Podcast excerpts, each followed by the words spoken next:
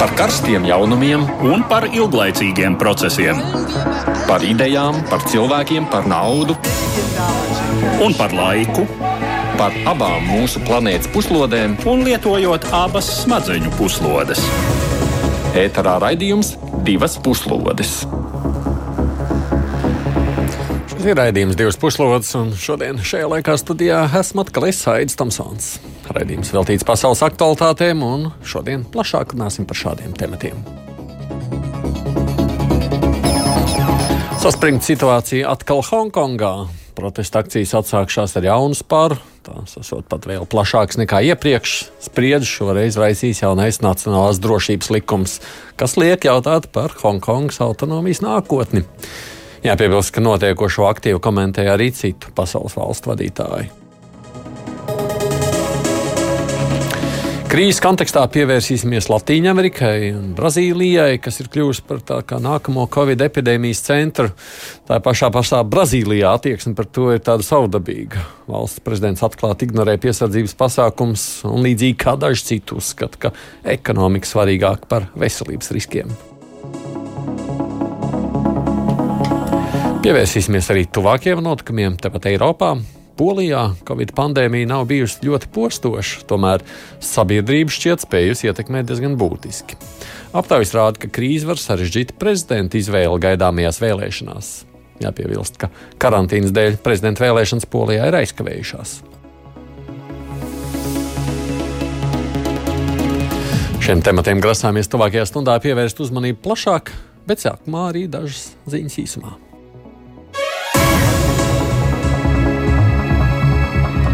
Nopietns konflikts ir izveidojies starp sociālo tīklu Twitter un ASV prezidentu Donaldu Trumpu, kurš ir viens no populārākajiem Twitter lietotājiem.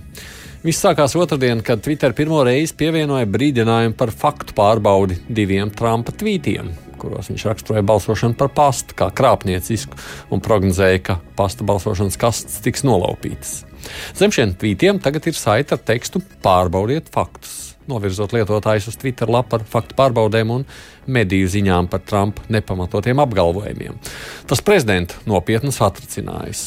Vispirms viņš apsūdzēja sociālo tīklu par iejaukšanos novembrī paredzētajās ASV prezidenta vēlēšanās. Vēlāk viņš ierakstīja, ka Twitteris pilnīgi slāpē runas brīvību, un es kā prezidents nepieļaušu, ka tas notiktu. Visbeidzot, Trumps jau ir piedraudējis slēgt visus sociālos tīklus, ja, jo viņi neļaujot paust konservatīvus uzskatus. Tikmēr mediji bieži ir norādījuši, ka Trumps nereiz vien Twitterī ir izplatījis nepatiesu informāciju un sazvērstības teorijas. Joprojām nerimst politiskā pretstāvēšana Venecuēlā, un šķiet, savu ietekmi sāk zaudēt pašpasludinātais valsts vadītājs Juans Gvaido. Viņš zaudējis ir parlamenta spīkera amatu. Venecijas augstākā tiesa otrdien par parlamentu vadītāju apstiprinājusi opozīcijas likumdevēju Luisu Parru. Tas noticis pēc vairākus mēnešus ilgas konfrontācijas ar Gvaido, kurš arī pretendēja šo amatu.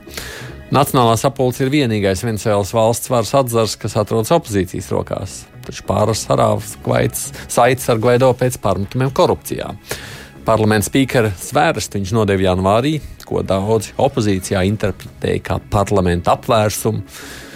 Jāpiebilst gan, ka reālā vara atrodas prezidenta Nikolas Maduro rokās, kur atbalsta arī bruņotie spēki.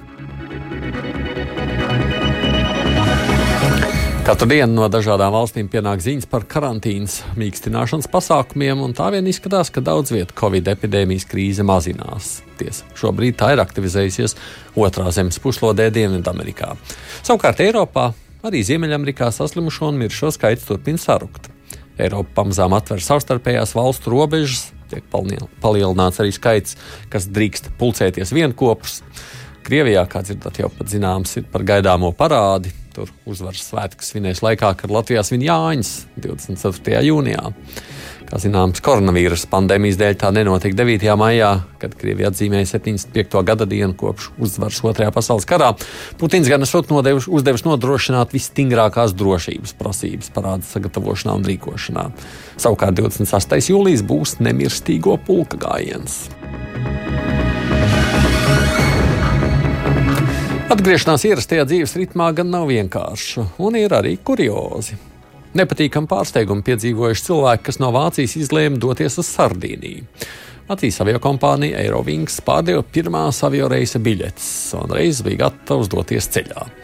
Taču pēc pietuvošanās galamērķim Olbijai pilotiem nācās secināt, ka nolaisties lidostā neizdosies, jo tā nemaz nav atvērta. Lidmašīnai nācās izmest vairākas lokus virs Sardīnijas piekrastes un doties divu stundu garajā lidojumā atpakaļ uz Vāciju. Eirovings preses pārstāvja vēlāk sacīja, ka noticis ir pārpratums.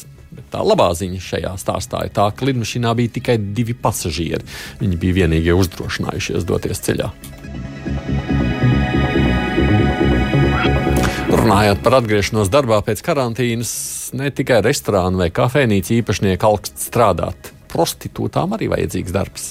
Vācijas seksa industrijas asociācija aicinājusi atcelt pandēmijas dēļ noteiktos ierobežojumus šajā nozarē strādājošiem un atļaut atsākt darbu. Bordeļu slēgšana un prostitūcijas aizliegums vairs nav attaisnojami. Tā ir teikts asociācijas pirmdien nosūtītajā vēstulē parlamentu locekļiem, kas nesen aicināja vispār pieņemt aizliegumu maksāšanai par seksuāliem pasākumiem. Samazinoties jaunā koronavīrusa izplatīšanas tempiem, arī seksa industrijai jāspēj atkal nest ienākumus un piedāvāt klientiem labus pakalpojumus. Tā ir teikts vēstulē, norādot, ka pandēmijas laikā šādi pakalpojumi klientiem var būt eksistenciāli svarīgi. Izstrādāts arī politiķiem prezentēts detalizēts higiēnas pasākumu plāns. Bet nu tagad par sākumā minētiem tematiem plašāk un vispirms par nemierīgo situāciju Hongkongā. Piektdien uz savu gadsimtu sesiju pulcējās Visķīnas tautas pārstāvju sapulce Ķīnas Tautas Republikas augstākā likumdošanas institūcija. Kā viens no darba kārtības jautājumiem tika izsludināts Nacionālās drošības likumprojekts Hongkongai. Hongkongas autonomijas status nosaka tās tiesisku suverenitāti, taču Hongkongas pamatlikuma pants, kas paredz kontinentālās Ķīnas valsts drošību garantējošas likumdošanas ieviešanu, tā arī nav ticis īstenots, jo šāds mēģinājums 2003. gadā sadūrās ar plašiem protestiem. Tagad Pekinas vara acīm redzami reaģējot uz jau vairāk nekā gadu ilgušajiem masu protestiem un nekārtībām Hongkongā, nolēmusi ieviest šādu likumdošanu, apējot autonomijas likumdevēju sapulci. Attiecīgais likums, kura tekstu izstrādātu Visķīnas tautas pārstāvju sapulces pastāvīgā komiteja, stātos spēkā pēc tam, kad to izsludinātu Hongkongas administrācijas vadītāja Kerija Lama. Likumprojekts vēršas pret mēģinājumiem atdalīt Hongkongu no Ķīnas, gāzt valsts varu pret teroraktiem un citām nacionālo drošību apdraudošām darbībām un ārvalstu iejaukšanos Hongkongas iekšējās lietās. Tāpat tas paredz Ķīnas drošības dienestu nodaļu izveidu autonomijā.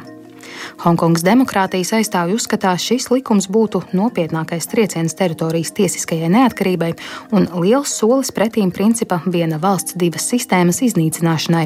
Kā norāda BBC citātais Hongkongas Universitātes tieslietu profesors Johannes Čans, ar valsts drošību saistītie procesi Ķīnas Tautas Republikā parasti notiek aiz slēgtām durvīm. Informācija par apsūdzībām un pierādījumiem netiek atklāta, un valsts drošības jēdziens tiek traktēts tik plaši, ka tajā var ietilpināt teju jebko.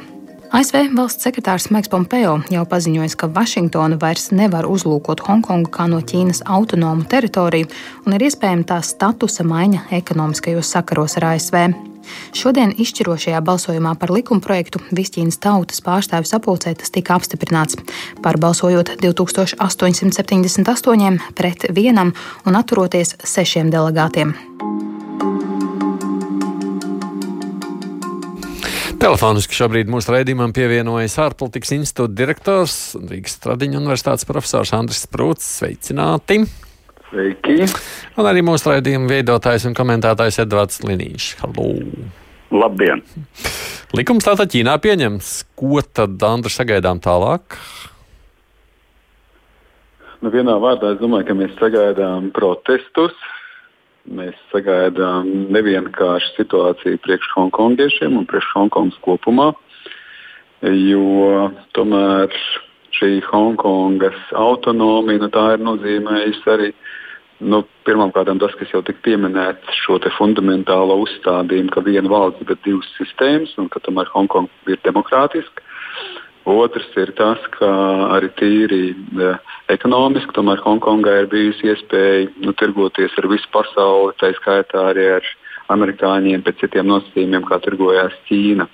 Un tas, protams, ir veicinājis arī Hongkongas no ekonomisko joprojām izaugsmi, pat ja Hongkongas īpatsvars tajā kopējā ekonomikas Ķīnas īpatsvarā, viņš, protams, ir samazinājies.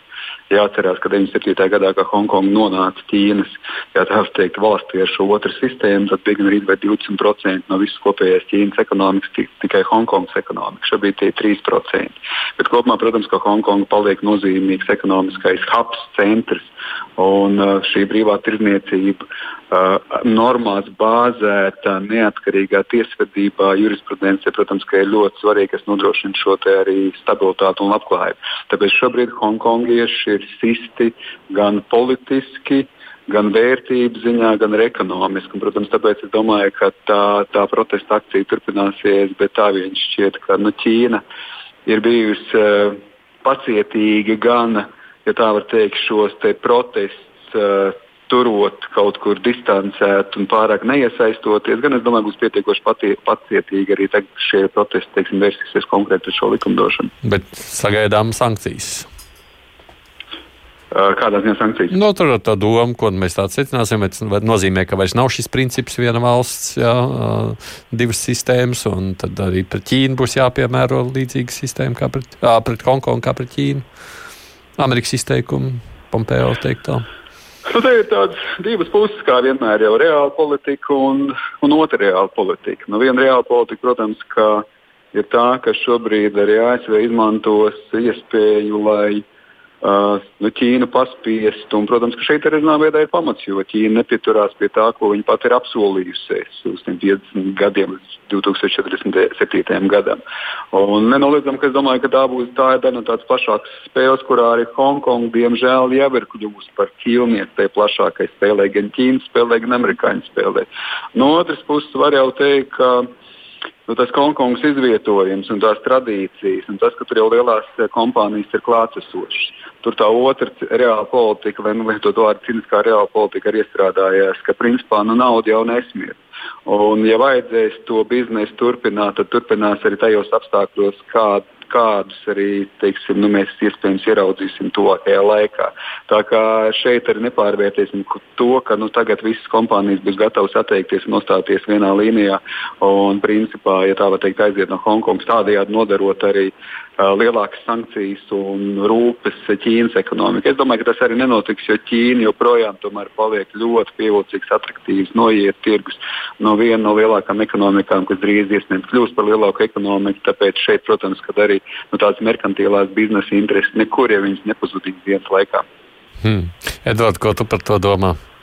Nu, visumā ir jāpiekrīt uh, šiem secinājumiem, ka, protams, Ķīnas ekonomiskā svara pieaugums pasaulē ir vairojis šīs valsts politiskās ambīcijas, un Pekinas režīms skatās uz situāciju citādi nekā tas skatījās vēl pagājušā gadsimta nogalē, kad tika slēgta šī vienošanās, un tajā brīdī, nu, protams, Lielbritānijai nebija īpašu, īpašas izvēles atdot Hongkongu vai nē. Uh, bet um, tomēr tika noslēgta tāda vienošanās, kas padarīja šo uh, šīs pārmaiņas pirmām kārtām pašai Hongkongai visnotaļ pieņemamas. Nu, tātad vismaz uz 50 gadiem. Pie tam eh, tajā brīdī valdīja lielas ilūzijas par to, ka, nu, kā jau Sprūda kungs teica, tātad uh, Hongkongas uh, ekonomiskais svars uh, apmēram 20% no Ķīnas kopapjoma. Uh, un šķita, ka Hongkonga pierādīs, ka tā ir Eh, ka tā ar savu demokrātijas modeli ir uh, perspektīvāka. Lūk, pierādīsies uh, demokrātijas un tirgus ekonomikas priekšrocības. Bet, nu, kā ir izrādījies, tad Ķīna ir labi adaptējusies tirgus ekonomikas standartiem, tajā pašā laikā mierīgi saglabājot savu totalitārās valsts politisko iekārtu, ar citas starpā tādu parlamentu, kas nobalso tā, kā partija to lemj. Uh, un, uh, attiecīgi, nu, tā ir tāda zināma vilšanās pirmām kārtām tiešām hongkongiešiem. Uh, un to jau mēs arī agrāk esam secinājuši, ka nu, tādu iedarbīgu svīru, ar kuru piespiest Pekinu šai jautājumā piekāpties un atstāt Hongkongas demokrātijas modeli, kādu tas ir, kā, kāds tas ir, uh, atsakoties teiksim, no savām ambīcijām, integrēt politiski šo autonomiju ciešāk uh, lielās Ķīnas sastāvā, nu, tādu sviru īsti nav. Uh, Savienotās valstis, protams, runā par to, ka tie, tās varētu būt sankcijas arī pret konkrētiem indivīdiem. Nu, droši vien tad pirmām kārtām tie būtu tie Hongkongas politiķi, kas ir Ķīnai pietiekami pakalpīgi, kas ir tur vadībā.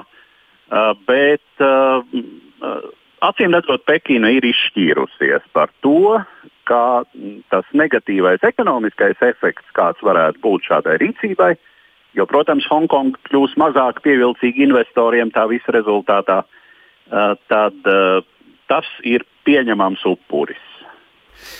Nu, protams, daudz kas varbūt arī mainīsies attieksmē pret Ķīnu vispār šobrīd. Jo pasaules uzmanība un sevišķi uz esošās pandēmijas fona ir sāsinājusies uz to, kā Ķīna mm, kāpina savu politisko un ekonomisko ietekmi pasaulē. Varbūt šeit kaut kas mainīsies, bet vai tas glābs Hongkongu? No acīm redzot, Hongkongas demokrātiju īsti tas neglābs. Un kāda jēga tad, Andri, ir no protesta akcijām tādā gadījumā? Tas ir labs jautājums. Ka, ja mēs tā ļoti uh, augstasinīgi, maigi izsakoties, skatāmies, tad, protams, ka nu, varētu teikt, cilvēkiem labāk būtu samierināties. Bet no otras puses, protams, ka hongkongieši ir pierādījuši, izaugusi ir vesela paudze, uh, kas nu, tomēr domā šajās demokrātiskajās kategorijās. Pat ja arī šis Hongkongas līdzinējais modelis, ir bijis nosacīti nu, hibrīdisks, kurā no vienas puses ir gan Pekina ar savu teikšanu, gan nozīmētais šis te galvenais izpildu direktors, kas faktiski arī ir Ķīnas nozīmēts, gan teiksim, šis te vietējais parlaments, kas ir tāds arī interesants, interesants kombinācijas ar reālām atklātām vēlēšanām interešu grupu pārstāvjiem. Bet uh, līdz ar to no nu vienas, protams, kad ir protests par to, kas notiek šobrīd, bet nu, nenoliedzami, ka Hongkongieši centīsies turēties cik vien ilgi varēs, varēs pretī nu, teiksim, tādai pilnīgai uh, integrācijai, nelietot vārdu teritoriālajai asimilācijai, aneksijai Ķīnas sastāvā. Tā, es domāju, ka no tā viedokļa tik vienkārši tas arī neies. Tā kā šis viens nopietns solis, kas ir noticis vai notiek šobrīd. Bet, eh, kā saka, bez kaujas, bez cīņas, bez pārliecības eh, tas nenotiks. Un nenoliedzam, ka tas tomēr joprojām būs nu, izaicinājums, lai neteiktu tā zināms kabarga, nu, arī Ķīnas tādās pilnīgās vēlmēs nu, absorbēt pilnībā Hongkongu un saka, padarīt to par uh, savu sastāvdaļu. Un skaidrs, ka Ķīnai vēl ir tā otra spēle, kur tomēr viņai jābūt ir. Uh, nu, man šķiet pietiekoši gudrai, un es pat teiktu, man mazliet pārsteidzu, man gribētu domāt, viņai būtu jābūt arī gudrākai un tālredzīgākai. Jo spēle šobrīd nav pat īsti par, par Hongkongu. Jo Hongkonga 2047. gadā, ko mēs abi divi, un kolēģis gan Edvards, gan es jau atkārtojam, ka principā tāpatās būtu 50 gadi pagājuši, un tad jau varētu eh, demontēt šo autonomiju ātrāk vai vēlāk. Bet tas reālais, lielais jautājums, kur tiešām tā politika turpināsies, tas ir Taivānas jautājums. Un var jau teikt, ka no vienas puses Taivāna ir izraisījusi to, un Taivāna šī pēdējā prezidenta ievēlēšana, kārtējo reizi pārvēlēšana, kas uz neatkarību ir vērsta. Uh, tas nozīmē to, ka vienkārši Ķīnai beidzās pacietība. Viņi saprot, ka īsta Taivāna viņi nu, vismaz tuvākajā laikā nekur tālāk nespērs nekādas integrācijas soļus. No otras puses, protams, ka tas ir šobrīd arī būs rezultāts šeit rīcība attiecībā uz hongkongiešiem um, par to, ka nu, principā Taivāna arī skaidri teiks, redziet, šī vienas valsts, divu sistēmu modelis, viņš jau principā nedarbojas. Tā vienmēr ir bijusi ilūzija. Tā kā kaut kur tajā spēlē hongkongieši cīnās gan par sevi, gan pat ja šī cīņa ir lielā mērā vērsta uz neveiksmi, tādā ilgtermiņā vienlaikus viņi cīnās arī par taivāniešiem, vismaz tie tādā vērtību, pārliecības un modeļu ziņā. Hmm. Nu, kas nozīmē, ka mēs nākošajos gados redzēsim tādu uh, nu, ar vien lielāku aprīšanu no Ķīnas puses, Hongkongas aprīšanu, bet, uh, bet par šiem nemieriem klausīsimies gadu no gada apmēram tā. Nu, kas domāju, to zina? Noteikti. No. Kas to zina, cik, cik aktīvi būs arī turpmāk šie nemieri?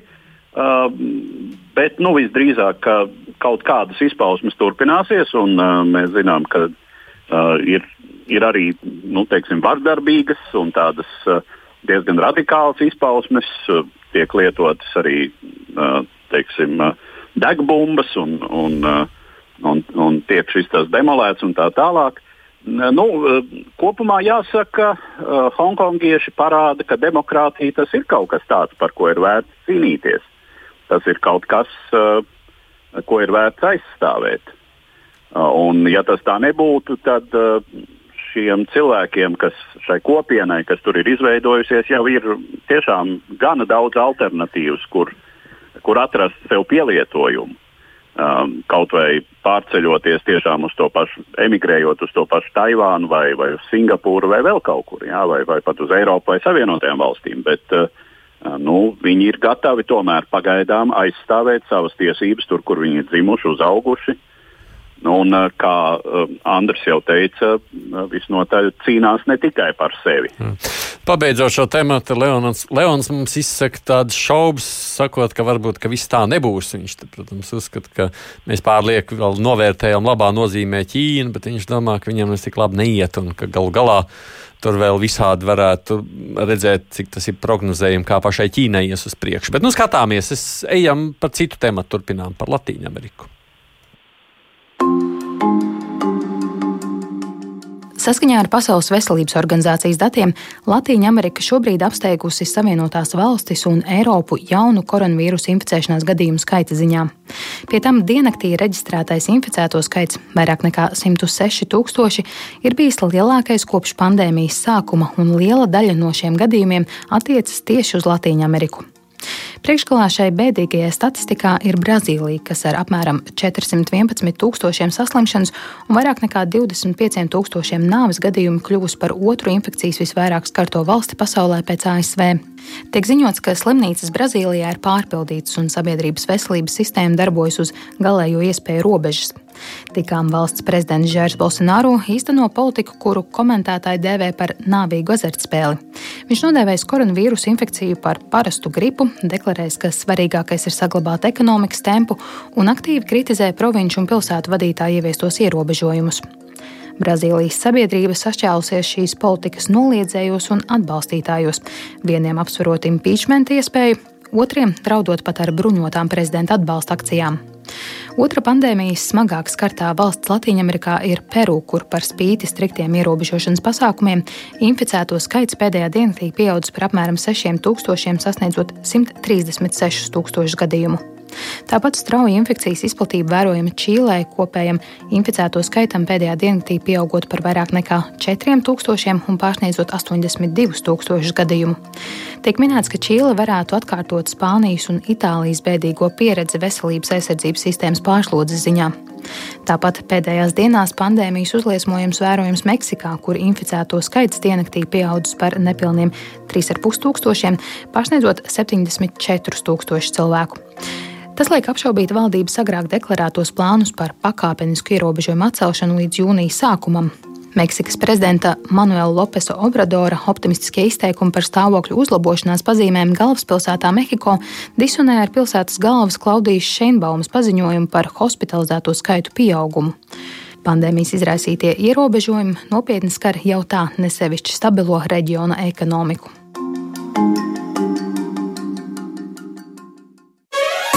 Divas puslodes. Es kāpēc Latvijā Amerikā tikai tagad tas uzliesmojums ziema tuvojas? Tāpēc? nu, tropiskā ziema, kas lielā daļā Latvijas Amerikas tāda ir, diezin vai ir arī vīrusam tā pateicīgākā vide. Nu, vienkārši acīm redzot, šī pandēmija izplatās līdz ar mm, aktīviem kontaktiem ar cilvēku un iespējams arī preču pārvietošanos pa pasauli. Nu, Latvija Amerika ir tā daļa, kur tā sasniedz salīdzinoši vēlāk. Jā, bet tur, vai tur īstenībā nevarētu situācija būt trakāka nekā attīstītajās valstīs? Ņemot vērā to visu higiēnas un sadzīves apstākļus. Nu, grūti teikt. Neviens no mums nav epidemiologs, un tas priekšstats eh, Latvija Amerika jau arī ir salīdzinoši nevienmērīgi attīstīta um, attīstīta pasaules daļa, kur, teiksim, ja mēs runājam par Čīli un Argentīnu, tad šīs valstis var būt salīdzinoši tuvāk, salīdzinoši tuvāk teiksim, attīstīto valstu standartiem, savukārt nu, droši vien tādas valstis kā Peru, kā arī tāpat Brazīlija, kur ir lielas, lieli sociālie kontrasti, ir daudz tiešām trūcīgu ļaužu, kuriem nav pieejama normāla, tā skaitā medicīniskā aprūpe, nu, nerunājot nemaz par Venecuēlu, par kuru vispār īsti nav skaidrs, kas tur notiek. Jo no vienas puses šobrīd dati, kas ir oficiāli par Venecuēlu, uzrāda, ka tur pagaidām ir ļoti neliels saslimušo skaits. Nu, varētu pieņemt, varbūt, jā, ka šī valsts ir salīdzinoši izolēta no ārpasaules. Bet vai tas tiešām tā ir un, un kas ir tad, ja, tas, ja tie, tie dati tomēr neatbilst patiesībai? Nu, par to var tikai izteikt diezgan, diezgan bēdīgas prognozes. Mm -hmm. Jā, es šeit Jā. noteikti varu pievienoties um, gan Eduards, gan arī ievada aprakstā tika lietots vārds, šķiet, kas ir atslēgas vārds, um, pat tā maigi izsakoties, tas ir bēdīgi. No vienas puses var jau teikt, ka tas bēdīgums vismaz ir tālu projām no mums, jo tā ir gan rietumu pus, puslode, gan kaut kur dienvidos no ekvatora. Un tāpēc varbūt arī vēlāk tas viss ir aizgājis, bet tie bagāti ir atnesuši pamatā, kā tiek uzskatīts, uz reģionu šo slimību, bet tagad pārsvarā jau tas izplatās un cieši jau tie nabagie. Un mēs jau teiksim, zinām, gan Rio visas šīs te, nu, bezpajumtnieku vai vienalga ļoti nabadzīgi dzīvojošo cilvēku vietas. Nu, skaidrs, ka tā ir izcila vieta, lai teiksim, šī te visa slimība arī izplatītos. Un es domāju, ka kopumā Latvija Amerika un precīzāk laikam Dienvidu Amerikas kontinents nu, ir tāds eksperiments ļoti ilgstošs un kādā brīdī kā iestājās tā zināmā nu, varbūt tāda stabilitātes fāze, kad šķiet, ka tās sociālisma idejas 90. gadu beigās, 2000. gadu sākumā ir pietiekoši veiksmīgas priekš šīs sabiedrības.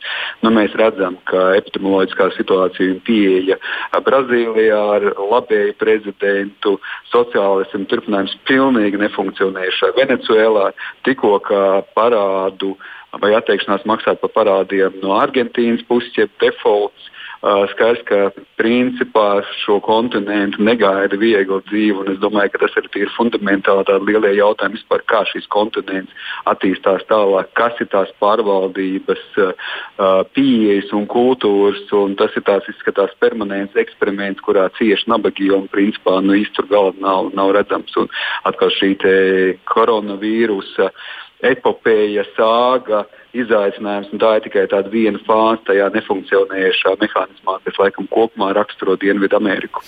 Bet, Andra, ko jūs sakāt par Brazīlijas prezidentu un tā rīcību, viņa rīcību šīs pandēmijas laikā? Uh, nu, viņa rīcība atspoguļo lielo stipro vīru, uh, var ielikt pēdiņās, uh, rīcību un nostāju, ka mēs stiprie tāpatās uh, mūs tas neskars, Un ka ekonomikai ir jāattīstās, ir ekonomikai jāiet uz priekšu, un tikai tie, nu, tie vājie, tie, kas ir švakuļi, nu, īsti tie arī varbūt cietīs no šīs slim, slimības. Un tur jau nav tikai Bolsonaro, Bolsonaro. Brazīlijas prezidents ļoti līdzīga nostāja Donaldam Trumpam. Abi divi viņi dzer un lielās ar to, ka viņi dzer šīs pretmalārijas zāles, ka viņi ir atraduši līdzekļus, kā sevi uzturēt formā. Nu, mēs varam ieskaitīt šajā kategorijā arī Lukašenko. Noteikti varētu atrast vēl kādu. Nu, Kādreiz jau Džonsons Boris arī sākumā skaitījām tajā kategorijā. Tieši ne? tā, Vladimirs Putins, Boris Džonsons. Es domāju, ka tas principā šī brīža tāds interesants laiks arī tādā ziņā ir, ka nu, slimība tomēr noliek pie vietas daudzus, tā skaitā arī šos spēcīgos līderus, kas, kā saka, iet pāri visiem. Un it kā teorētiski paši viņi varbūt arī iet pāri un pat tā jābrīnās, ka esot pilnībā mm, ignorējoši visu šīs slimības teiksim, riskus un bučojot uh, uh, savus atbalstītājus un bērnus, un bez maskām ierodoties un ignorējot jebkādas teiksim, šīs distancēšanās normas.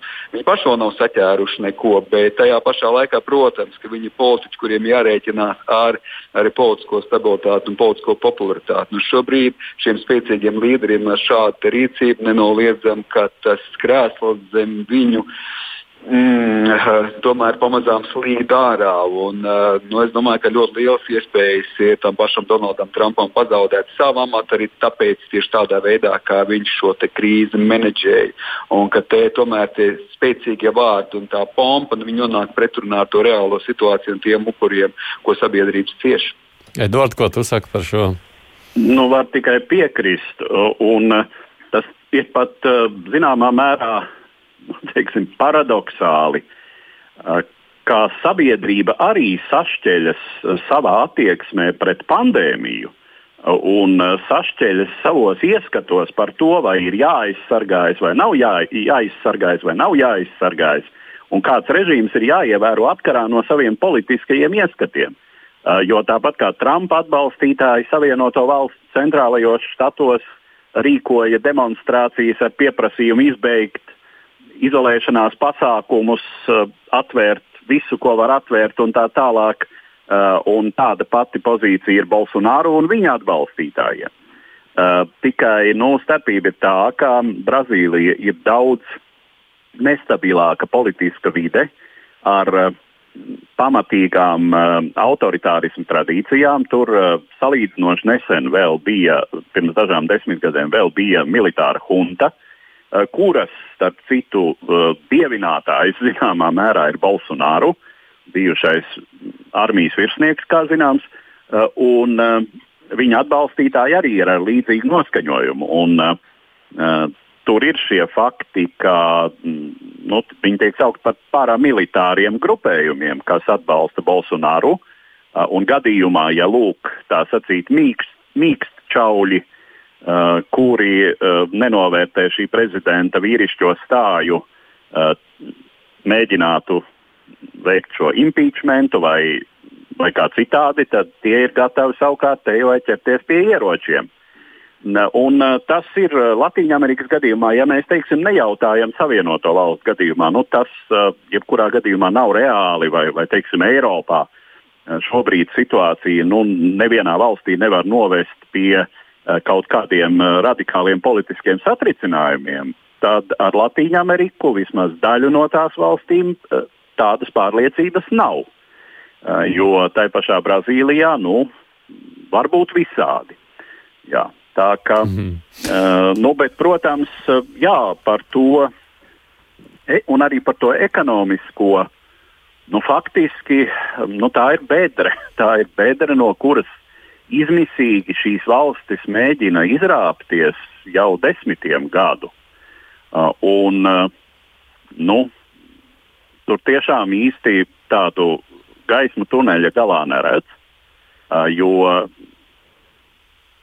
mainās politiskie spēki pie varas, mainās radikāli risinājumi, radikāli, salīdzinoši radikāli kreisi. Tā pašā Brazīlijā valdība, kura nāca ar nacionalizācijas programmām, savukārt pēc tam nāk Bolsonaro ar plašām uh, privatizācijas, renacionalizācijas programmām.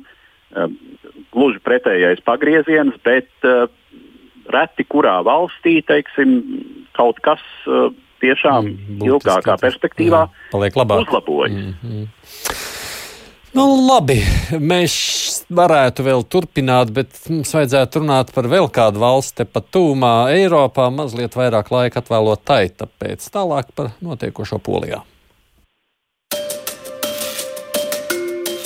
Polijas prezidenta vēlēšanām bija jānotiek 10. maijā, ievēlot valsts galvu uz nākamajiem pieciem gadiem. Par drošāko favorītu tika uzskatīts esošais prezidents Andrzejs Duda, kurš var tikt pārvēlēts uz otro termiņu. Viņa pārstāvētā un šobrīd valdošā partija Likums un taisnīgums nevēlējās pārcelt vēlēšanu datumu arī pēc tam, kad valstī bija sākusies koronavīrusa izplatība. Šai sakarā nonākot konfliktā nevien ar opozīciju, bet arī ar koalīcijas partneriem - Liberālo konservatīvo partiju Poliju kopā. Vien dažas dienas pirms paredzētā datuma vēl nebija skaidrs, vai, kad un kādā veidā notiks balsošana, cik tālu polijas likumdošana neparedz attālinātu balsošanu, un Seims nebija gatavs tik ātri pieņemt jaunu regulējumu. Par vēlēšanu boikotu paziņoja visi eksprezidenti un vairāk ekspremjeri. Galu galā 6. maijā tika panākta vienošanās par vēlēšanu pārcelšanu uz 28. jūniju, lai gan arī par šo datumu šobrīd nav simtprocentīgas pārliecības. Viss atkarīgs no epidemioloģiskās situācijas valstī. Jau pēc šī lēmuma no Beātas Šidlo valdības demisionēja vicepremjers un zinātnes un augstākās izglītības ministrs partijas Polija kopā līderis Jaroslavs Govins. Jau tradicionāli polijas vēlēšanām galvenā cīņa paredzama starp valdošās konservatīvās partijas likums un taisnīgums un nozīmīgākā opozīcijas spēka partijas pilsoniskā platforma kandidātiem. Saskaņā ar vairumu aptauju līdera pozīcijas priekšvēlēšanās joprojām saglabā prezidents Andrzejs Duda, taču pilsoniskās platformas izredzes nopietni uzlabojās pēc tam, kad tās sākotnējo kandidāti, socioloģi Malgožatu Kidau Bloņsku, 15. maijā nomainīja populārais Varšavas mērs Rafals Českovskis. Galvaspilsētas vadītāja vēlēšanās 2018. gadā Českovskis jau pirmajā kārtā pārliecinoši uzvarēja likums un taisnīgums pārstāvi iepriekšējo mēru Patriku Jaki. Es atgādinu, pie tālruņa klausulas raidījumā piedalās ārpolitikas institūta direktors un Rīgas Traģiņu universitātes profesors Andris Prūts un mūsu raidījuma veidotājs komentētājs Edvards Liniņš. Andri, tiešām tā līdzšinējā prezidenta Dudas izredzes varētu būt apdraudētas? Īsā atbilde ir jā. Hmm. Um, jo nu, vispār ļoti interesanti polijā šobrīd tās lietas notiek. Jo Jaroslavs Kačīns, protams, ir tāds lielisks uh, likums un taisnīgums partijas vadītājs, kurš mm -hmm. neieņem nevienu konkrētu amatu, izņemot to, ka viņš ir partijas vadītājs. Uh, bet faktiski Polija šobrīd ir viņa. Uh, organizēt, menedžēt. Uh, viņš ir bijis ļoti talantīgs, lai teikt, pat ģeniāls tajās savās politiskajās kombinācijās. Un politika caur konfliktu, caur pretīm statīšanu, lai tomēr panāktu to vairākumu. Pat apzināti izējot uz konfliktu, lai mobilizētu savu atbalstītāju. Tas, principā, ir bijis tāda viņa nu, zīmola ieziņa. Uh, bet šobrīd tā izskatās, ka situācija ir ļoti politiski izaicinoša, jo tas, kas jau šeit tika pieminēts, tā kombinācija, kurā tā ļoti gludi, bez nekādām problēmām pārvēlēt prezidenta amatā, tas nav noticis. Šobrīd uh, prezidentam Dudam pēc pēdējiem reitingiem viņam ir nokritis atbalsts zem 40%. Savukārt Varšavas mēram tas ir uzkāpis jau virs 20%. Tā kā šeit jau reāli parādās reāli teiksim, cīņas elementi. Otrs ir tas, ka joprojām notiek cīņa parlamentā par to, kādā veidā šīs vēlēšanas vispār varētu notikt. Un eh, tas, uh, tur ir vairāk tie spēlētāji, ieskaitot tas, kas tika pieminēts, zelta kārtas ir Jaroslavam Govinam, kas ir bijis gan ministrs, gan pie šī brīža opozīcijas partijas, partijas pie Tuska vadītās iepriekš partijas, gan arī ministrs pie Moravēcka, jeb šī brīža likums un taisnīgums. Tā kā tā situācija ir ļoti slidena, plus vēl tam visam nāk pāri tas, ka prezidenti un maris beidzās 6. augustā. Un šobrīd tā vien izskatās, ka arī senātā, jeb augšpalāta parlamentā, velk to daļai garumā, jo senātā dominē opozīcija, kuriem ir 52 balss. Un situācija var būt tāda, ja tas tiek novilkts garumā un principā prezidents līdz 6. augustam netiek pārvēlēts, tad par valsts galvu, jeb teiksim, prezidenta pienākumu izpildītāju kļūst šī brīža senāta vadītājs, kas ir no opozīcijas. Tā kā šobrīd tā spēle ir ļoti interesanti sarežģījusies. Es domāju, ka Kačinskim tas nu, nav jau kā viņš te pirmo reizi tajā visā stāstā, bet kopumā, ja mēs atgriežamies pie iepriekšējām tēmām, ka Covid ir lielā mērā bijis tāds leģitimitātes, eh, varas stabilitātes pārbaudītājs, nu tad jāsaka, tas ir noticis arī Polijā. Tad mans iespējamais jautājums, ko tad līdzinājums prezidents ir vai nav tāda izdarījis, ka viņa popularitāte tā kritusies īstenībā ir diezgan aplams jautājums, jo tas nav jautājums par to, ko prezidents dara vai nedara, bet tas, kas notiek ap viņu vai vispār lielajā politikā. Edvards, ko tu saki? Lielā mērā tā. Nu, arī par to krišanos, par, popularitātes krišanos runa jau ir par to, ka eh, arī pēc vēlēšanām tātad um, Andrzeja Dudas popularitāte bija šķiet nu, ap 50%. Uh, un um, tā bija uzvara otrajā kārtā uh, iepriekšējās vēlēšanās. Nu, tā tad uh, šobrīd tā ir kritusies līdz apmēram 40%. Nu, jāsaka, Polijā lielā mērā, ja mēs paskatāmies uz tām kartēm, gan uz tām, kurās ir iezīmētas pašreizējo aptauju tās geogrāfiskās aprises, gan uz iepriekšējo vēlēšanu rezultātu kartēm, tad nu, ļoti izteikti par likums un taisnīgums balso valsts centrāli austrum un dienvidu austrumu rajonos. Savukārt valsts ziemeļos un valsts rietumos balso pamatā par pilsonisko platformu. Tas ir ļoti interesanti, eh, ka te jau vai jāsaka tā, ka tā robeža iezīmē kādreizējo robežu starp tā saucamo kongresa poliju, kas bija Krievijas impērijas sastāvdaļa, un to polijas daļu, kas atradās um, vai nu līdz Pirmajam pasaules karam, vai līdz Otrajam pasaules karam Vācijas sastāvā. Tātad bijušajās Vācu zemēs balso par opozīciju, par um, centrisku liberālo pilsonisko platformu. Uh, un, uh, droši vien tur ir iemesli šo kopienu veidošanās vēsturē. Uh, cilvēki, kas uz turieni pārvietojās, faktiski ieņemot teritorijas, kuras līdz tam apdzīvoja vācieši lielā mērā. Nu, tā ir cita vecuma struktūra un kaut kāda cita izjūta par notiekošo. Savukārt, tur, kur ir vecas, iesakņotas, tradicionālas katoliskas uh, poļu kopienas, uh, tur tātad populāra ir konservatīvā uh, daļa, pilsoniskā platforma ar tradicionālajām vērtībām, un tā robežšķirtne lielā mērā iet pa, pa to līniju, ja, kas ir pieļaujams un kas nav pieļaujams, kas ir laulība. Vai, vai ir pieļaujams partnerattiecību likums, tas ir ceļošais faktors polijas politikā pēdējos gadus.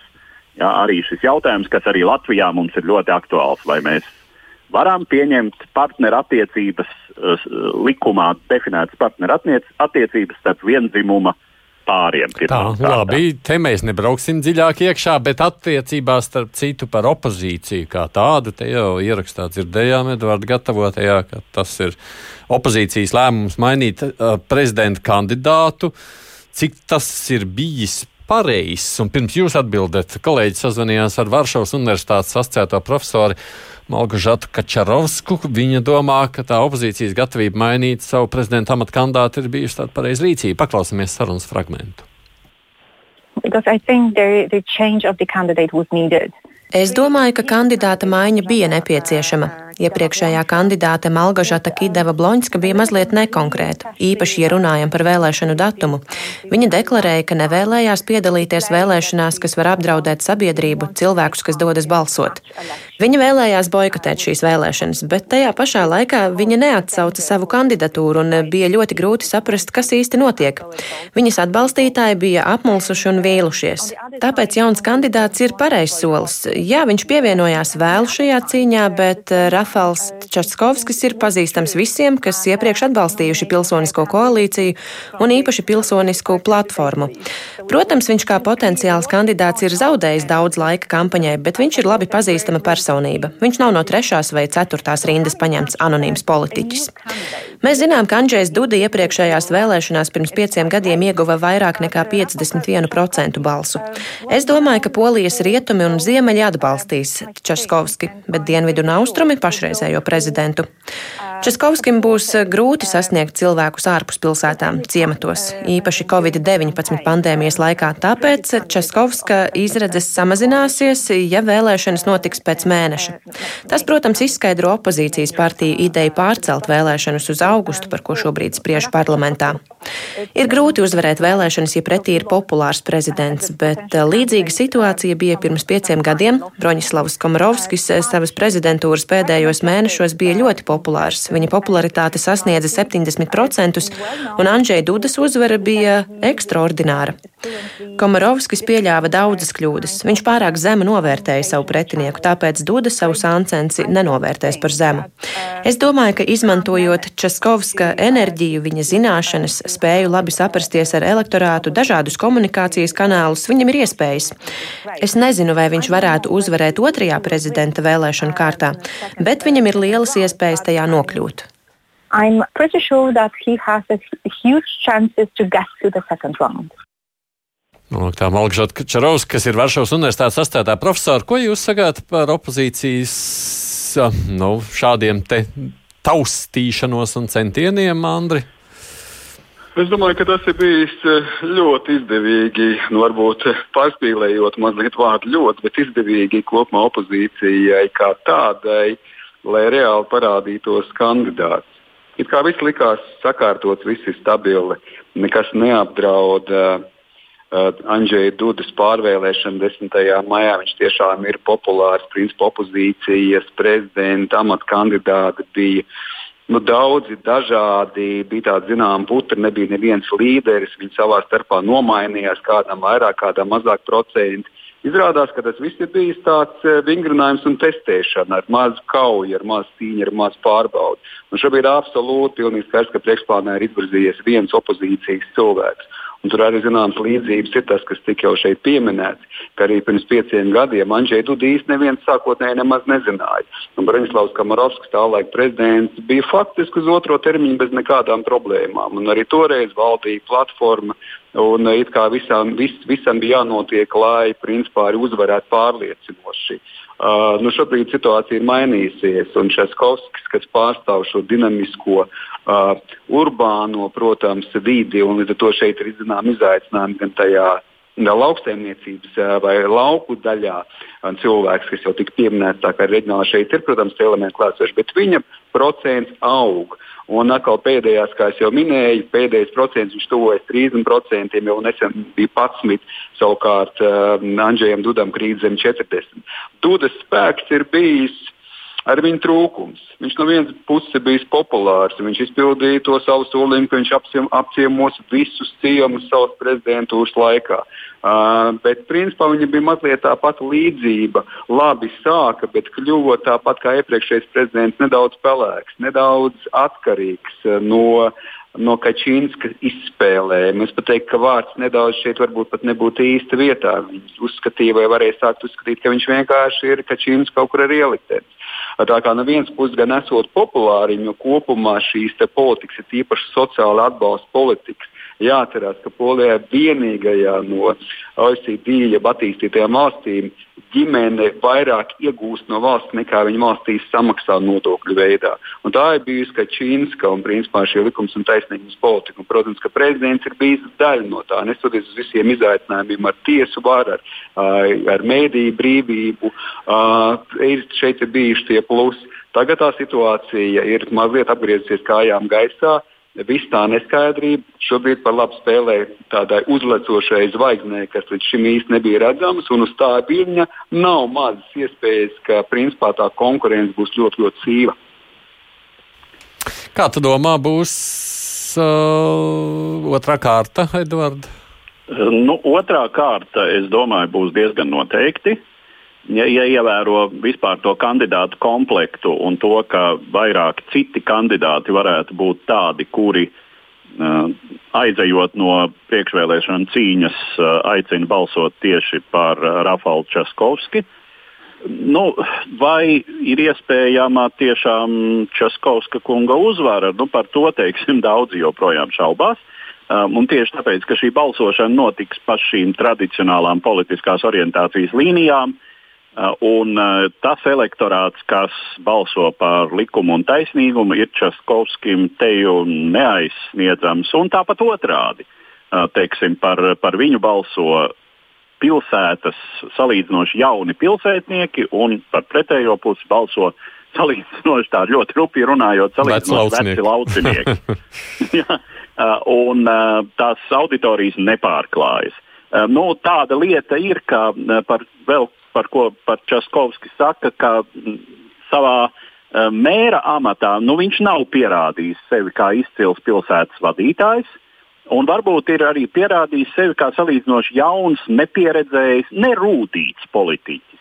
Uh, viņam vēl ir tādas ļoti, varbūt pat uh, teiksim, pozitīvi vērtējamas izpausmes, bet nu, viņam ir grūti uh, teiksim, gadījumā, kad pilsētā ir plīsis maģistrālais kanalizācijas vats, jā, tad viņš to es lasīju konkrēti par, par šādu gadījumu, ja viņš ir sācis televīzijas kameru priekšā ilgi skaidroties un taisnoties un izlūkties atvainošanu pilsētniekiem. Tā vietā, lai ar dažām frāzēm vienkārši šo situāciju tā sacīt aizslaucītu no ētera.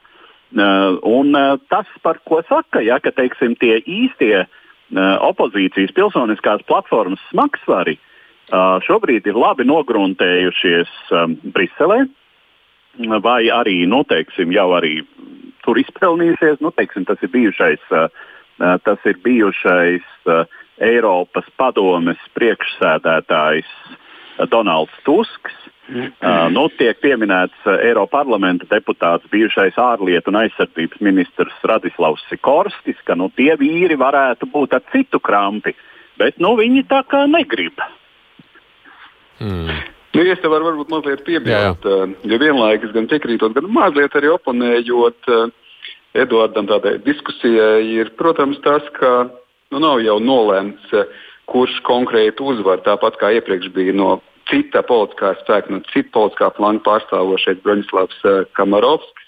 Tā šobrīd ir Andrzejs Dūta. Principā šīs vārsts princips Polijā ir noticis ļoti regulāri, ka mainās gan prezidenti, tīpaši politiskie spēki, kas ir pie varas skaidrs, ka ir zināms dalījums eh, konservatīvos un vairāk liberālos uh, cilvēkos Polijā, bet ir jau arī daudz, kas ir pa vidu un tās kombinācijas. Jaroslavs Kovina piemērs, kā es teicu, kas izšķir gan izvēr šobrīd, kas notiek parlamentā, to ļoti labi apliecina, ka uz kuru pusi tad nosvārstīsies arī tie, kas ir pa vidu tas centrs.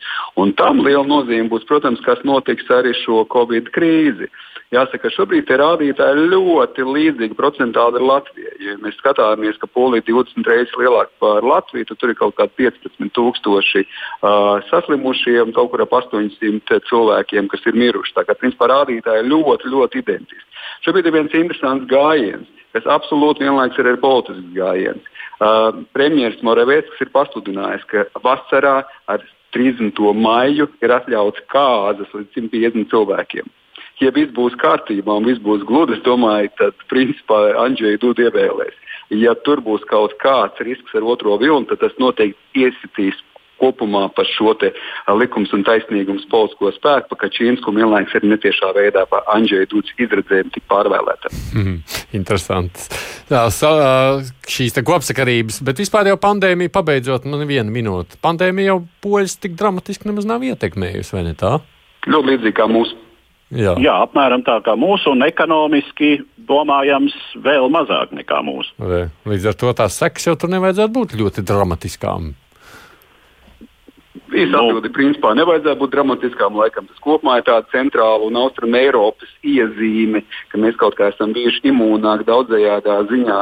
Bet atkal atgriežoties pie vēlēšanām, šobrīd jau te ir tie svari kausi, tā zināms, naža asmens un tas vienā brīdī tā uztvere var nomainīties uz vienu vai uz otru pusi. No tā viedokļa tas noteikti neietekmēs Poliju kaut kā ļoti radikāli. Jāatcerās, ka Polija ir ģimenes biznesa, uz iekšā orientēta ekonomika, kas dzēna uz priekšu, tā var teikt, to kopēju izaugsmi. Bet eh, šajās konkrētās vēlēšanās katra nianses var izšķirt, uz kuru pusi nosvērsies svaru kausi. Mm. Jā, un eh, jāpiebilst, ka Polijas prezidenta funkcijas ir apmēram līdzīgas Latvijas prezidenta funkcijām. Tā kā arī attieksme varētu būt uh, elektorātā mazliet līdzīga. Mm. Ārpolitikas institūta direktors Rīgas Straģiņu universitātes profesors Andris Sprūts un arī mūsu raidījuma līdzautājs un komentētājs Edvards Līņš. Paldies jums abiem! Par iesaistīšanos šajā mūsu sarunā. Es tikai vēl pabeigšu ar kādu citu. Vēl atgriežoties pie tēmāta, Jāņa Bērziņa rakstīja to, ka viņš kā Brazīlijas latviets nevar piekrist tam teiktiem par Bolsonaru un Brazīliju. Tur problēmas ir daudz dziļākas un diez vai Bolsonaru netiks pārvēr, pārvēlēts Covid dēļ, bet citu iemeslu dēļ gan var būt. Un tur nav nacionalizācijas un privatizācijas, ir tikai runas. Nu, tās mums vēl klausītājs, kurš neapšaubāmi mazliet arī zina to iekšējo drēbi. Raidījums līdz ar to izskan studijā bija es, Aits Tamsons, mūsu producente ir Ieva Zeize. Paldies visiem, kas piedalījās. Tiksimies atkal pēc nedēļas. Nu, šajā pašā laikā lūkosim, kā tad notikumi šajās dienās ir risinājušies. Divas puslodes!